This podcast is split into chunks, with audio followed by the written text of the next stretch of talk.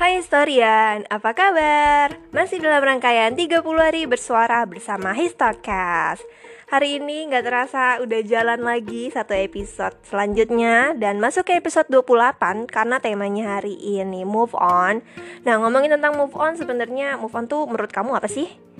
Move on mm, menurut saya bangkit menuju sesuatu yang baru Meninggalkan semua luka lama, kenangan buruk, bangkit dan menuju kebahagiaan yang ada di depan. Nah, tapi kali ini saya nggak mau ngomongin tentang move on dari mantan, pokoknya move on dari cinta-cintaan, bukan.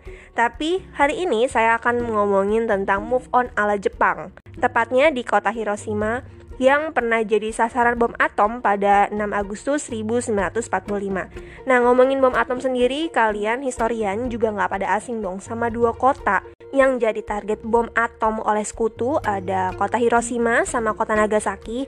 Nah, tapi kali ini saya akan membahas dulu dari kota Hiroshima-nya. Gimana sih cara kota Hiroshima ini bisa bangkit kembali dari peristiwa bom yang pada saat benar-benar luar biasa dampaknya itu satu kota Hiroshima ini berhasil jadi kayak kota mati gitu dan tentunya cara dan bangkit kembali dari kota Hiroshima ini butuh proses. Dan pasti juga harus ada kemauan dari para penduduk Hiroshima yang masih tersisa, masih hidup untuk memulai semua kehidupan yang baru, melakukan pembaruan dan juga pembangunan skala besar-besaran karena kota Hiroshima ini yang pada saat itu kena bom atom tapi sampai sekarang masih bisa berdiri.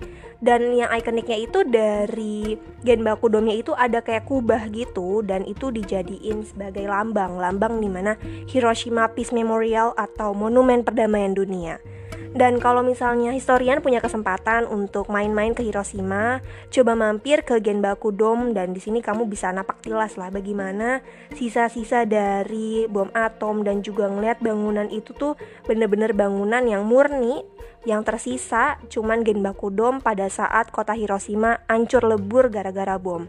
Oke, kita geser lagi sedikit bagaimana caranya kota Hiroshima ini bisa bangkit kembali dari kehancuran bom atom yang pada saat Perang Dunia Kedua ya lebih tepatnya itu diturunin sama sekutu.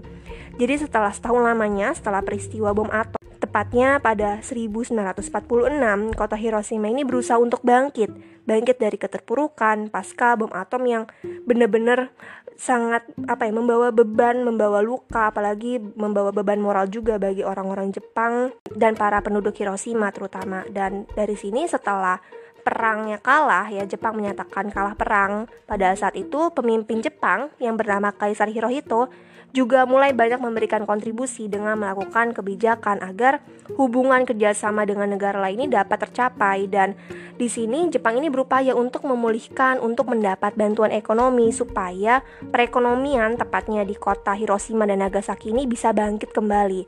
Dan meskipun harus menanggung moral beban yang benar-benar sangat berat ya karena pada saat itu um, siapa sih yang nggak mau ngelihat kotanya itu hancur lebur gara-gara bom. Dan pada saat itu beban moral dari masyarakat Nagasaki, Hiroshima itu benar-benar berat. Dan sekaligus juga sebenarnya di sini ada rasa hilangnya kepercayaan kepada Kaisar Hirohito karena Kaisar Hirohito ini kan mau nggak mau menyatakan kekalahan perang Jepang ini terhadap sekutu. Melalui wali kota sendiri bernama Shinzo Hamai jadi melakukan undang-undang konstruksi peringatan perdamaian Hiroshima.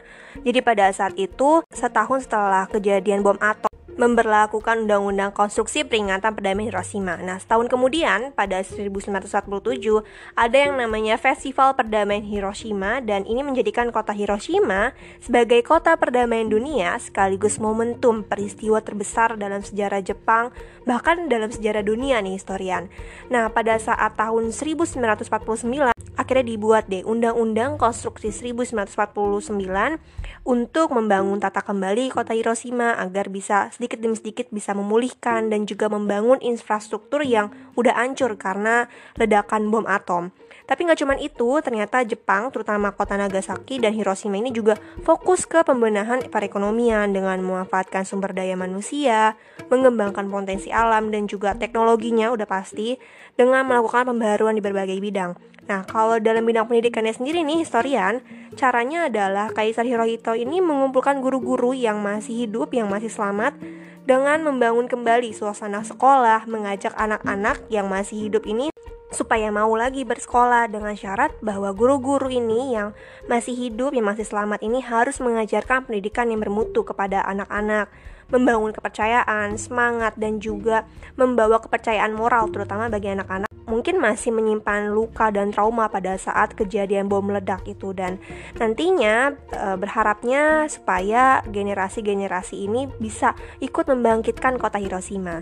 Tapi tantangannya juga berat karena seorang guru apalagi kepada muridnya ini juga diberikan tanggung jawab yang besar dan menghasilkan anak didik yang bisa berproses, bermutu, dan kalau dalam bidang ekonominya nih historian, Jepang ini juga pasti didukung sama internal dan juga eksternal. Kalau internalnya Jepang itu udah pasti ya melakukan jaringan bisnis dengan menggalakkan sektor ekspor untuk memulihkan lagi perekonomiannya dan juga Jepang udah pasti ya yang terkenal dengan teknologinya ini melakukan penjaringan produk dan teknologi yang benar-benar dibutuhkan untuk menunjang kemajuan dari perekonomian Jepang sendiri.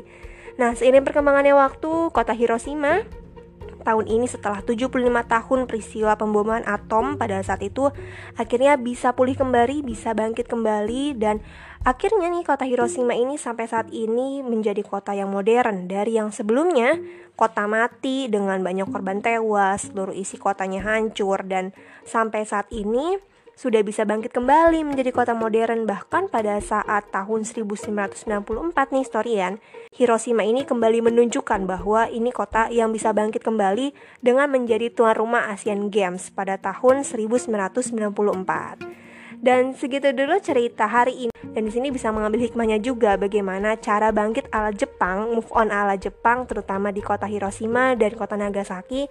Dan pasti ini butuh proses di mana move on tuh juga butuh proses, butuh cara, butuh waktu juga untuk gimana caranya biar bisa bangkit lagi dan seperti yang sekarang kita lihat, kota Hiroshima udah menjadi kota yang modern. Terima kasih telah mendengarkan Histocast pada episode hari ini. Sampai jumpa.